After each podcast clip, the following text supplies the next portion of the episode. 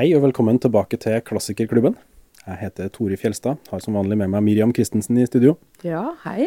Og i dag har vi en eh, klassiker for oss, nemlig Frida Forskeren, kunsthistoriker, er tilbake igjen. Velkommen. Tusen takk.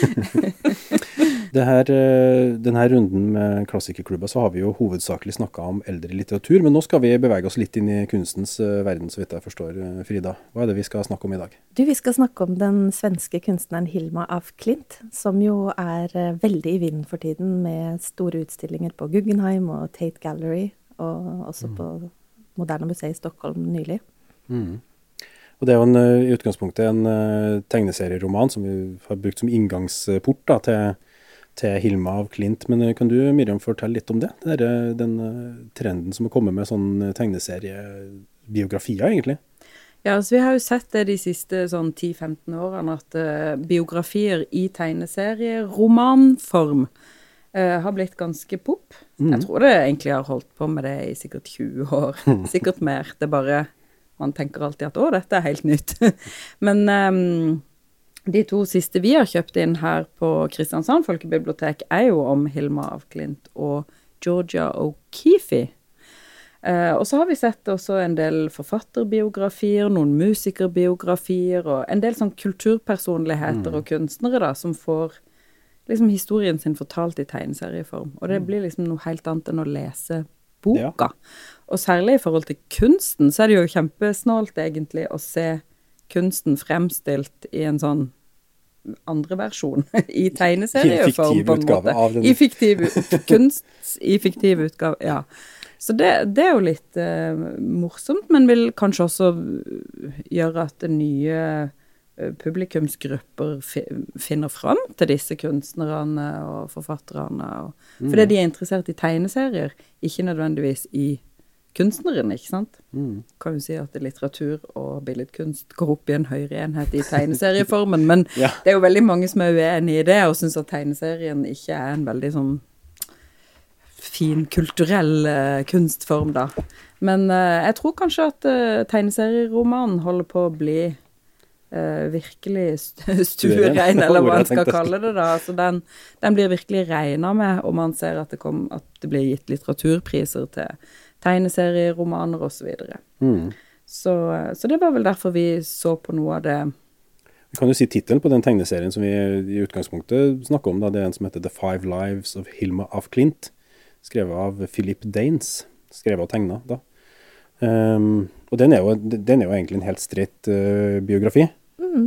Eh, men, men det som er slående med den, er jo ikke selve tegneserien i seg sjøl, for den er jo ganske sånn streit og sånn fortalt. Men, men det er de blikkene inn i kunsten som jeg syns gjør den interessant, da. Og så Eh. tenker jeg også at, og kanskje også i Hilma af Klints tilfelle, som har jo det her veldig sånn særegne universet, som man på en måte kanskje må avkode litt, da. Så fungerer det veldig fint med en sånn tegneserieroman, for da kan du jo på en måte prøve å se hva er det disse symbolene betyr. Går, går de hvordan går de igjen, og hvordan henger de sammen med den her åndeverdenen og sånn. Så det blir ganske sånn, ganske sånn Det at det er så grafisk, gjør at det blir lett å avkode det billedspråket. Tenkte jeg i hvert fall når jeg så denne boka, da. Ja, nå har vi egentlig tjuvstarta på det, men da må vi jo snakke litt mer om, om Hilma uh, av Klint. Altså hvem er det? Hvem, altså, helt ukjent navn for meg frem til for kanskje et år siden. Ja. Helt ukjent, altså aldri Plutselig hørt om. poppa det liksom opp, det navnet. Mm. Hva skjedde? Ja, hva skjedde? Nei, det var det, Altså, jeg så litt på sånn litt på sånn eh, his, historikken til eh, Altså til eh, verkshistorikken hennes, på en måte. Den første utstillinga med hennes verk var jo tilbake i 86 eh, i LA. Men så er det jo særlig de siste ti årene at det har vært disse store liksom blockbuster Man snakker om blockbuster shows, liksom, på Guggenheim, hvor de visstnok aldri har hatt så mange besøkende. Og jeg husker også jeg så henne på Henny Jonstad, tror jeg det var i 2015, var da jeg oppdaga henne og, og, og liksom ble, ble på en måte bevisst på hvor, hvor, hvor stor hun har blitt i kunstverden. Og det er jo veldig interessant, for når, når jeg studerte kunsthistorie på 90-tallet, var det jo, visste ikke jeg hvem henne var, var i det hele tatt. Hun har jo ikke vært skrevet inn i den kunsthistoriske kanoen i det hele tatt. Så um, hva det er som gjør at hun treffer akkurat nå, er jo interessant. Nei, for det, det er jo ikke snakk om en samtidig kunstner i det hele tatt. Nei, nei, hun er, jo født, ja, hun er jo født i 1862. Så hun er jo uh, samtidig med Oda Krog og Edvard Munch, da, for, for å forstå liksom den tidsperioden. Og tilhører jo den generasjonen, den første generasjonen svenske kunstnere. Som uh, kvinnelige kunstnere som fikk lov til å gå på Kunstakademiet. Så vi skal jo langt tilbake i tid. Og hun har jo også et langt liv. altså Som Munch også dør hun i eh, 1944. Så det er jo et kunstnerskap som strekker seg langt tilbake i tid, men som har fått den herre voldsomme oppblomstringen eh, nå. Med bøker, eh, vitenskapelig artikkel, tegneserieroman og Instagram-kontoer og eh, ja, og så videre, ikke sant. Så hun er jo superstjerne for tiden, da. Mm. Plutselig. Plutselig, ja. liksom. Litt sånn plutselig, kan man si. Da jeg gjorde research til her, så sjekka jeg og så at den norske Wikipedia-artikkelen om Hilma af Klint er på tre setninger. Og i Store norske leksikon der står det riktignok en artikkel om hun, men den ble oppretta 22.9.2022. Altså Ja. det, det, Hun sto ikke nevnt som en egen, egen artikkel i Store norske leksikon før for et halvt år siden. drøyt. På Ja, det er jo veldig interessant, ikke sant. Det er Så det, det er helt ferskt, altså. ja, det er, det er helt ferskt. Det var Altså. ikke nevnt i artikkelen om abstrakt kunst på Store norske leksikon Nei, før i november, eller hva det var for noe. ikke sant? Men uh, hun har kanskje hatt en posisjon i svensk uh, kunsthistorie, da, og vært kjent liksom kun i sitt eget uh, fødeland, eller? Veldig lite der også, altså.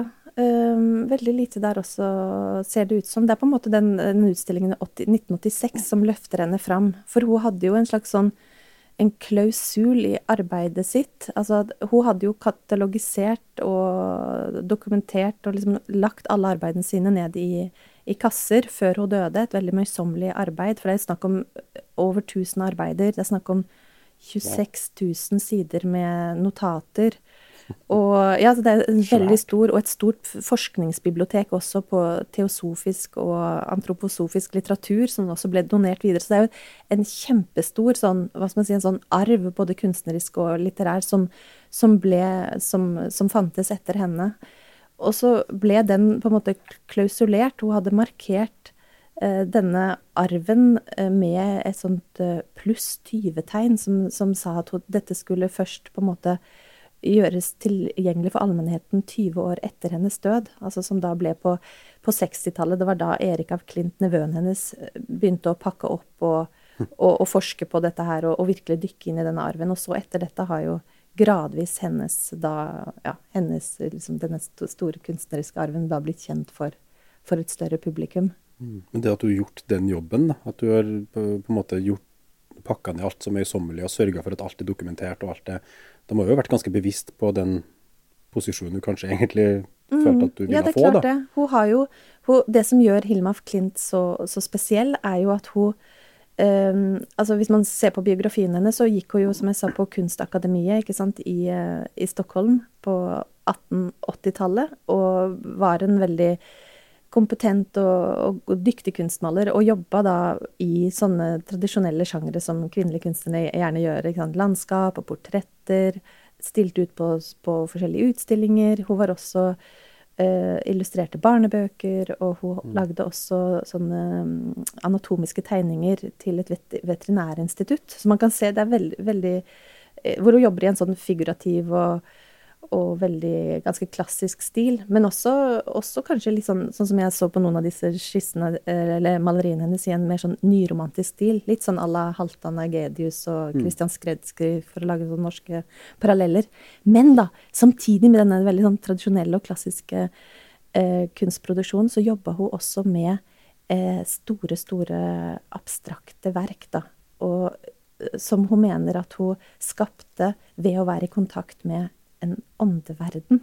Og det er jo dette som gjør henne så fascinerende. Dette at liksom denne kunsten skal være på en måte skapt i dialog med ja, ånder som vi ikke ser på hinsides vår virkelighet. da. Allerede 17 år gammel begynte hun å delta i sånn spiritistiske seanser, og mener selv at kunsten kom til henne da fra disse eh, åndene. En av de tingene som jeg har bitt meg merke i, da, er at eh, disse her er kjempesvære For de er ganske store, disse her mm. eh, Hva er det for noe? Tegningene, altså maleriene, eller plansjene? Bilder. Det- Bilder, ja. Men det er vel, noe av det er vel også sånn tegninger eller malerier til et tempel som skulle bygges, da. Eh, men det sies at hun ikke endra noen ting. Altså, hun malte det rett på. Og så var det, når det var ferdig, så var det ferdig. Hun endra ikke på noen ting i etterkant. Hun tegnte ingen skisser på forhånd. Alt kom bare rett ut, da. det er jo en sånn eh, Nesten litt utrolig eh, prosess, da. Mm, den er jo unik, og det er jo det det er jo det som gjør det så spesielt, og, og liksom, hvordan har hun gjort det? Altså, for de er jo, de er jo 3,28 ganger 1,42 cm, de største, de der Meter. De som man, meter, de man kaller the ten largest. Og jeg husker, jeg så de selv utstilt på en Jonstad da, i 2015. Man føler seg jo så liten, da. Ikke sant? Bitte liten. Og så disse enorme, enorme liksom ja, bildene, ikke sant, som, som, som, i disse store glødende fargene, så er de jo lagd med sånn eggtempera, så de har jo sånn veldig mye sånn energi og liv selve i Hun brukte jo egg, ikke sant, levende egg også, mm. lage de. Og så liksom den herre Sånn som du sier, Miriam, ikke sant, den derre størrelsen, prosessen, og at de bare kom, kom til henne fra Fra hvem vet hvor. Fra hvem vet hvor. Fra hvem vet hvor. Ja.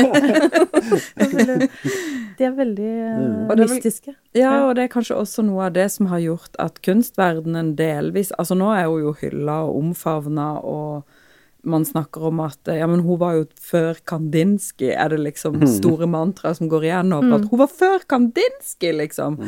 Eh, men at eh, dette kanskje også har vært noe av det som man kan være litt sånn kritisk til, da. At eh, er dette er, det kunst? Eller ikke om det er kunst, men om er det relevant? På en, altså, hun har ikke laga dette for å være en del av kunsthistorien eller kunstverdenen eller kunstfeltet, liksom. Dette er en ren sånn åndelig praksis, og Som var skulle gjemt vekk, egentlig, som ingen, nesten ingen får se. Ja, lenge fordi det har en, et annet formål, da. Mm, det er jo som en sånn, sånn som du sier, Miriam, ikke sant, at hun hadde denne visjonen at de skulle lages til et tempel. Et tempel som skulle være sirkulært, som en sånn sneglehus, hvor man kunne liksom stige inn i det og erfare disse, disse bildene i en slags sånn Jeg vet ikke, en sånn dialog. Det, det, var hennes visjon. Og, og det passer jo, si, passer jo dårlig med den modernistiske kanoen, hvor man skaper disse flate, geometriske verkene, ikke sant, skal være den rene formen, og de skal utstilles i den, sant, den hvite kuben. Det er jo en helt annen eh, virkelighet hun går inn i. Og hun, hos- hun oppsøkte jo flere ganger Rudolf Steiner, grunnleggeren av antroposofien, ikke sant, for å, å høre med han hvordan, hvordan kan disse bildene tolkes? For hun var jo usikker på selv også, hvordan kan de brukes? Hvordan kan de brukes her på jorden? Jeg har fått de Ja. av disse, disse åndene, men, men hun var også uklar selv på hva de skulle brukes til, annet enn at det var noe som var større enn henne, og større enn hennes krets, og større enn hennes liv på jorden. Ikke sant? Det var noe som fremtiden skulle kunne ta seg av, eller forstå. ikke sant? Så det er, ja. ja, strikke, strekke ut mot. Og det er jo dette som gjør det så fascinerende, liksom. Det handler ikke om sånn som kunstverden i dag gjerne. ikke sant? Du får en, et år på å lage noe kunst som skal stilles ut der, og så håper du det selger, og så, ikke sant? så markedsføres det. Men dette er liksom så, et så mye større prosjekt. ikke sant? Du får det ånden, og du skjønner ikke helt selv hva det er, men det kanaliseres gjennom deg. Og snakke om at kroppen hennes bare gikk, eller hånda hennes bare gikk. Eh, hun prøvde å skjønne selv hvorfor er det gult, hvorfor er det rosa, hva, er, hva, er det, hva betyr denne bokstaven som kommer? ikke sant? Og så, at det er jo noe veldig, veldig mystisk, og noe veldig, som du sier, Miriam, liksom, noe som høres ikke ut som den tradisjonelle kunst, kunstinstitusjonelle ja, gangen da, som vi kjenner til. Ja, hun hadde kanskje blitt skuffa hvis hun skjønte at eh, den store appellen i dag er ekstremt visuell, og at uh, det her er sånn Når man hadde vært på de utstillingene, så kjøper man plakaten og har hjemme i sånne fine innreda leiligheter på 2020-tallet, liksom, og der bare passer de dødsbra inn, på en måte. Altså, for det er jo Det var Ja. nok ikke det hun ville, og det ser ser du jo i de, du ser jo det i notatene at hun strever selv med å forstå hva det er, og hun blir også veldig fornærma. Jeg tror det er hun Tyra Klen, som er en svensk kunstner, som prøver å samarbeide med henne, men hun, hun finner ikke henne verdig, for hun skjønner ikke hva bildene er. Mm. Så ikke sant, du, du du får jo et inntrykk at for henne er dette noe dette er noe, dette er noe, dette er noe større. Dette ja. er, noe, dette er noe, noe annet. Og så ser jo Mange snakker jo om um, at den utstillingen som var um, på Guggenheim i fjor, den ble jo sant, stilt ut i Guggenheim-museet, som nettopp har den her snegleforma spiralformen. Mm. Og at det betyr da at liksom hennes uh, liksom, verk ble fullendet i, liksom, i New York, ikke sant. Så det, det, er jo mye sånn mystikk rundt, uh, rundt, og, Mm. rundt, rundt henne, rundt verket hennes, rundt hvordan det, hvordan det erfares og oppleves, da. Mm. Og det er vel der fascinasjonen ligger. Altså, jeg har jo maleriene også noen sånne Altså, noen av de ser jo litt ut som sånn eh, molekyl og Mm. sånn naturvitenskapelige sånn skisser omtrent. Men så kan vi jo kanskje si litt om hvordan hun kom inn på det her eh, spiritistiske eller eh, teosofiske sporet, da. Altså Ja, det var jo mange av de tidlige abstrakte Det abstrakt, det er jo et ord vi ennå ikke har nevnt, nevnt, men eh, det hører jo med. En, Men det er mange av de tidlige eh, abstrakte kunstnerne som var veldig opptatt av det åndelige, har jeg inntrykk av. Ja, Når jeg ser på biografien, så er det liksom ofte ja, teosofi og uh, antroposofi og vet ikke hva slags sofia de var interessert i, men det er mye, mye forskjellig ute gikk der.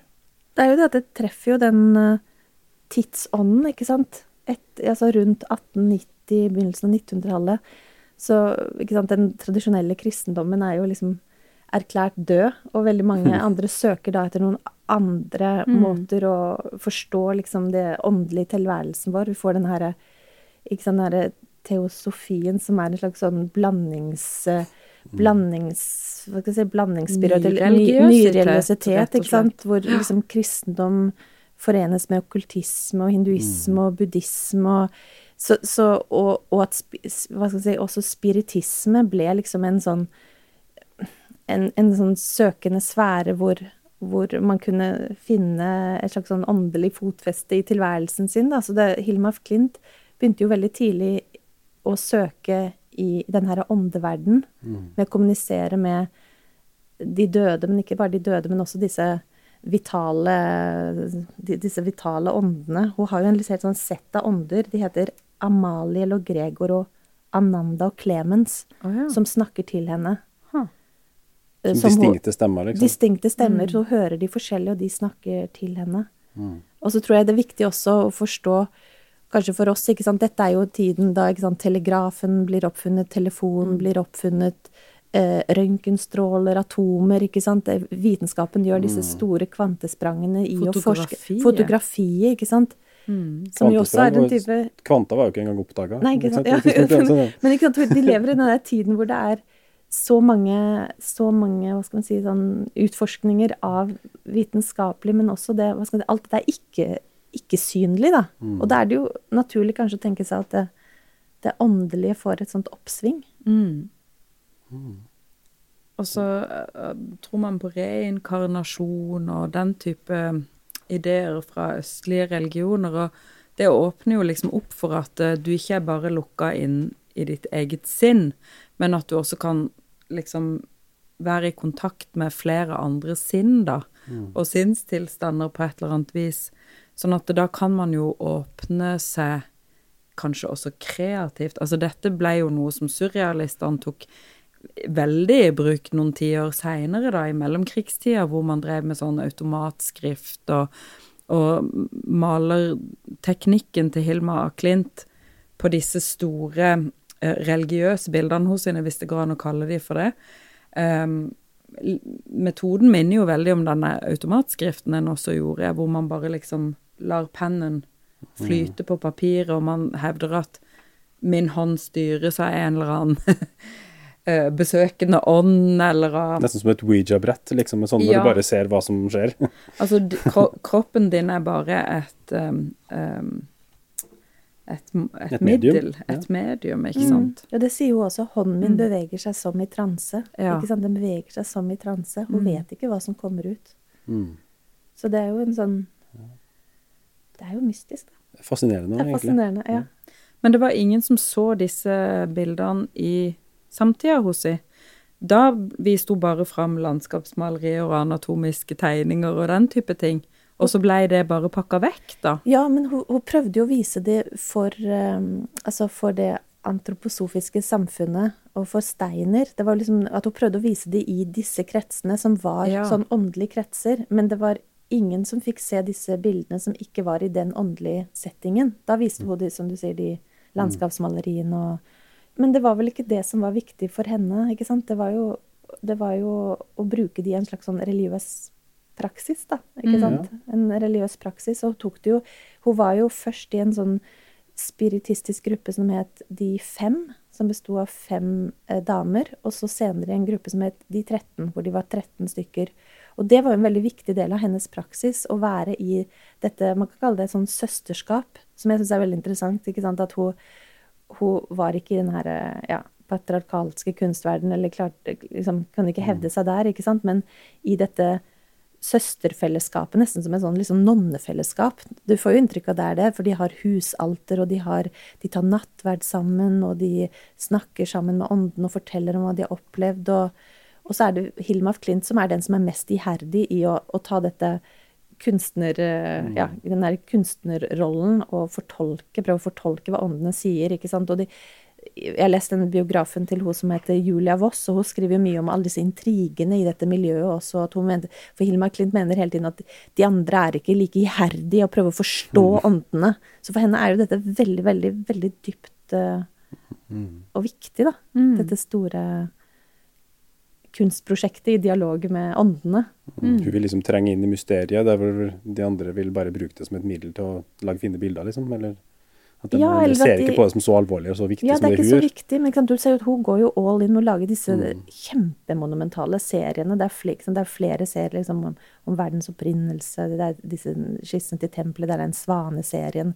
Det er hele den ideen med å konstruere dette store tempelet. Det er jo, det er jo store, store prosjekter.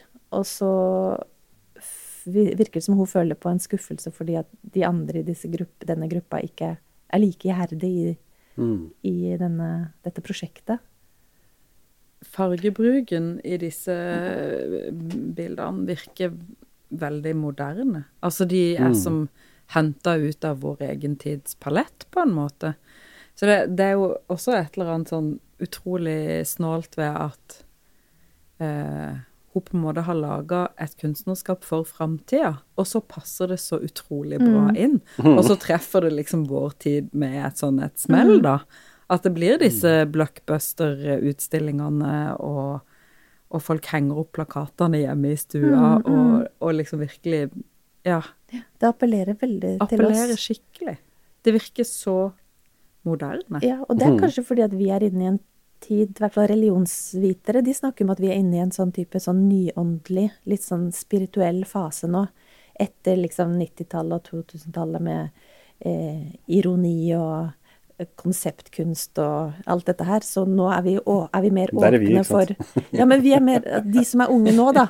De som er på sånn rundt 30 nå, er mye mer åpne for astrologi og for heksekult og for uh, åndelighet og eh, Ikke sant? Det er i hvert fall det jeg har observert. Og nettopp da disse Det der at mens vi hadde kanskje litt mer sånn derre Vi på 90-tallet var liksom mer sånn ja, ironisk og redde for kanskje å bruke sånne feminine farger, eller liksom, hva skal man si, omfavne det kvinnelige og det feminine, så ser du at veldig mange unge samtidskunstnere de bruker liksom rosa og gult, og de bare fråtser i alt det som er tradisjonelt sånn ja, feminint, kan man si det? Det er lov å si det? Ja, Jeg kan si det på den måten. Iallfall hvis vi knytter det til Hilmar Klint. Ja, ja. Fordi disse bildene er jo veldig rosa og gule, oransje. Altså, og, ja, Det er veldig klare farger, veldig store flater med tydelige, farger. ja, men klare også farger litt sånn pastell, ikke sant? At det er litt sånn en, en mildhet i noen av fargene også.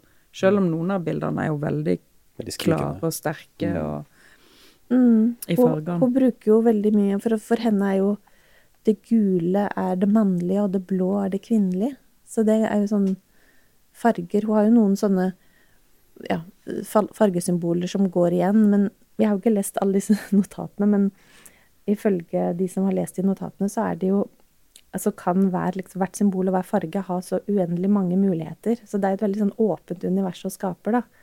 Men det handler veldig ofte om å forene det mannlige og det kvinnelige, og finne en sånn, et sånn androgynt senter man kan, man kan eh, forenes om, har jeg forstått. Ja. Og det passer jo også godt i det, for uh, Hilmar Klint var jo lesbisk. eh, Levde åpent med kvinnelige kjærester, da. Og var i disse kvinnelige søsterskapene. Så man, det virker som å trekkes mye inn i den herre Det androgyne, kanskje, da. Virker det Mm. som at det er et sånt prinsipp i kunsten hennes. Men i dag, er det noe særlig fokus på denne religiøsiteten i maleriene hos sine, eller er det mer fokus på selve det faktum at hun var på en måte den første abstrakte maleren, da? Jeg syns kanskje det har vært veldig mye hype rundt det der at hun var She was the first abstract painter. She beat Kandinsky. Og sånn. At det er Ja. veldig mye sånn Finally. Ja. Sånn, men, men det er også litt interessant, fordi Kandinsky var også veldig opptatt av at han skulle være den første. Har et, etter hver eh, lest om han, og altså, nå husker jeg ikke helt når han døde, det var 40-tallet, tror jeg. ja, han døde Så- i 44, samme år som Ja, nemlig. Så da var det enka etter han som eh, også hadde fått oppgave med liksom å finne ut om han var den første. og Ja. Han var liksom, eh, han er uttalt da, at han eh, mente, han trakk frem et bilde som han hadde malt i 1911 og mente at det må være det første abstrakte kunstverket, fordi det fantes ingen andre kunstnere som malte i en abstrakt stil. Det er en ganske sånn bastant sånn eh, Og så har du sånn som Malevich, som, eh, som stilte ut bilder som han hadde laga på 20-tallet, men backdate, backdata, altså så skrevet at ja, det ja. her malte jeg i 1907 og hørte du, bare for, Ja. Men hvorfor er de så opptatt av å være først?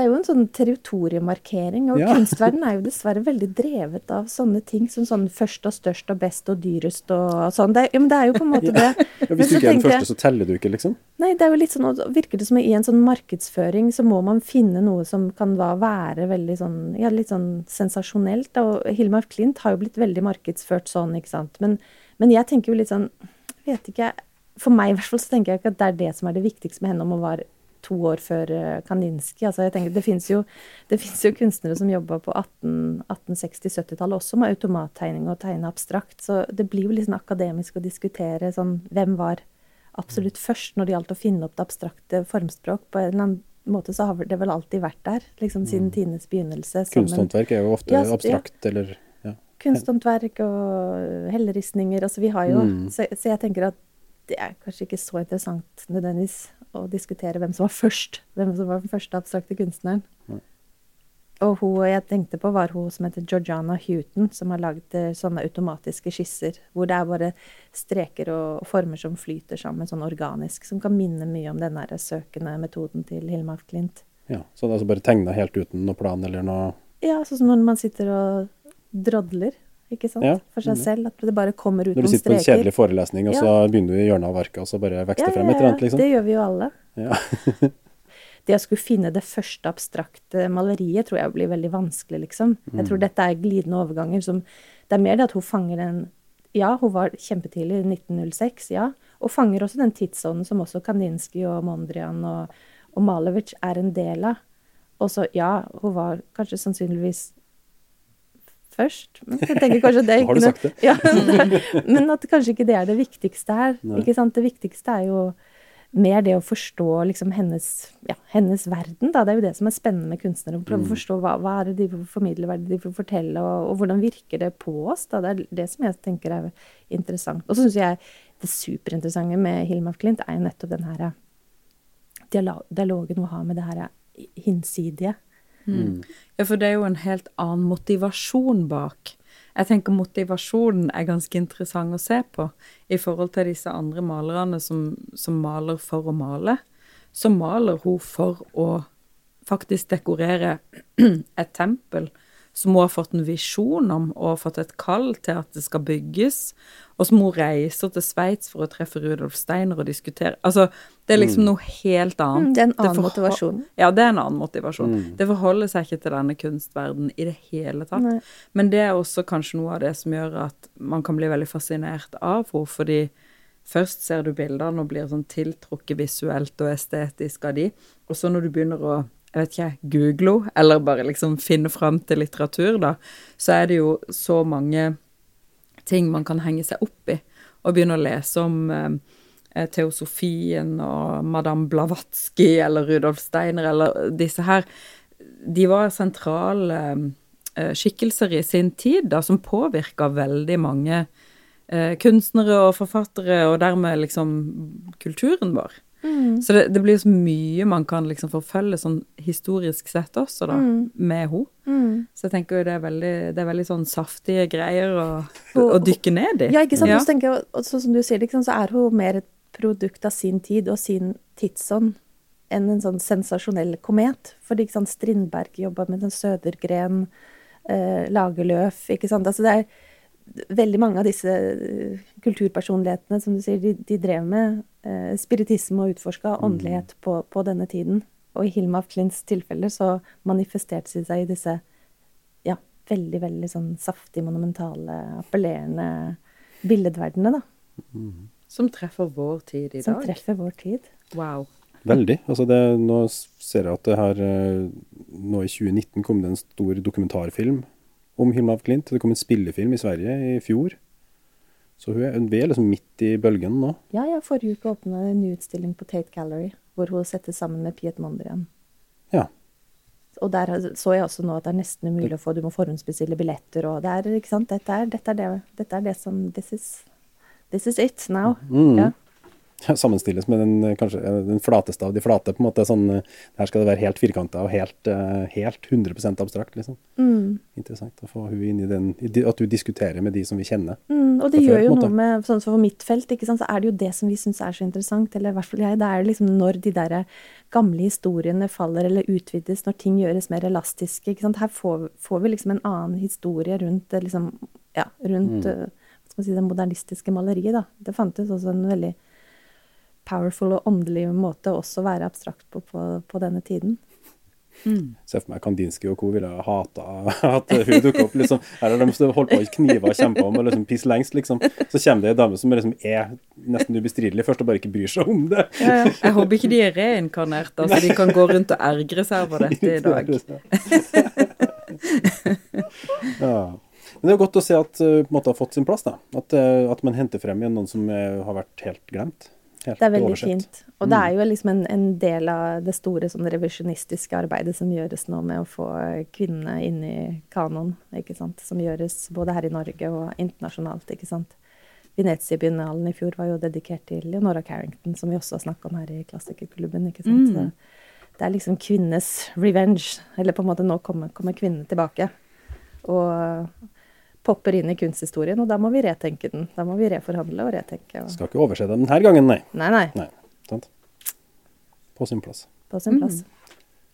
Men jeg tenker jo at uh, med den klassiske utdannelsen som Hilma Klint har, så har jo hun et uh, utgangspunkt nett, for å nettopp kunne liksom frigjøre seg fra den klassiske uh, måten å lage et maleri på. Så det er jo ikke som at det bare stiger opp en person fra intet, som Altså, bare begynner å tegne helt uten noen tegneskills, eller hva man skal si, fra før av. Så det er jo også noe med at eh, eh, hvis man velger å ikke tro på den der religiøse biten ved det, eller den åndelige dimensjonen ved det, så kan man jo også si at det er en kunstner som har funnet en sånn slags eh, sted, et kreativt sted, eh, å male fra, hvor hun bare kan liksom løsrive seg fra alt hun kan, men det ligger jo i bunn allikevel. Sånn at du kan eh, Hvordan skal jeg si det? Hvis man jobber eh, kunstnerisk, så kan man jo noen ganger kanskje oppleve å komme i en sånn tilstand av flyt, hvor ting nærmest bare skjer litt sånn av seg sjøl. Hvis du har knekt en kode, eller fått en idé, eller du har liksom endelig funnet den riktige nyansen på malinga, eller hva enn det kan være. Og da kan du bare gjøre det, sant. Da bare, da bare Drømmen for skjer enhver kunstner å havne i flyten, liksom. Ja, og jeg tror det er mange som opplever det av og til. Og når man ikke har det, så er det kanskje det folk kaller for skrivesperre, eller hva enn det er, da. Så hun, hun, er, hun, jo ikke, hun er jo ikke et ubeskrevet blad, liksom, Og det, før jeg, hun begynner med dette. jeg tror det er veldig viktig poeng å, å gjøre. Jeg tror det er en av disse beatkunstnerne jeg jobba mye med. Han sier det at for, in order to improvise, altså for å kunne improvisere, så må du kunne male. Du må ha studert. Du må kunne sakene dine. Han sier noe sånn You gotta know your acts. Altså, du, liksom må, du må kunne tingen din før du kan improvisere. Det er først da du kan Du må sånn ha det man- internalisert liksom, for å kunne gå videre. Ja, det er jo sånn man imøtegår kritikken mot mye uh, sånn uh, naivistisk kunst og sånn. Ja, men et barn kunne jo vært der. Jo jo, men det barnet har ikke gått Mm. på kunstskole i 15 år og sett all stor kunst i verden. For, men du må, det, det hjelper å ha det og det vet ikke hva de gjør. Nei, ja, ikke sant? Kanskje kan det være positivt òg, men, men at det, det ligger faktisk noe bak. Selv om det kanskje ser, kan se enkelt ut. Mm. Veldig ofte er det jo sånn at det som ser veldig enkelt ut, er ganske vanskelig å få til. Mm. Eh, og det tenker jeg også med de eh, maleriene til Hilma av Klint, at du skal være i en viss sånn state of mind da, for å kunne gjøre dette i én Jeg vet ikke om hun gjorde det i én tagning, men, eh, men det å ikke ha en skisse på forhånd og ikke gjøre noe med maleri i etterkant, det er ganske Da står du støtt, tenker jeg. ja, da vet du hva du driver med. Ja, på en eller annen måte så står du ganske støtt på et eller annet inni deg, da.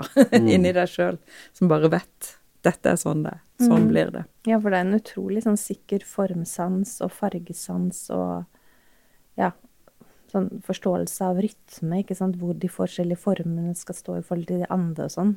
Det er, det, er, det er så organisk, ikke sant? Men det er ikke tilfeldig, liksom. Det, Nei, det føles eh, Det Mm. føles bare veldig sånn kunstnerisk, jeg vet ikke, komplett på en eller annen måte. Mm.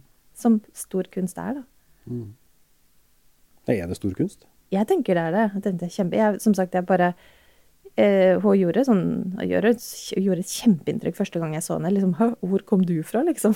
bare Mm. liksom seilene, bare og, og den følelsen av å stå foran de der fargeverdenene, liksom. Det er, det er, det er sånn fantastiske arbeider, altså. Mm. Virkelig.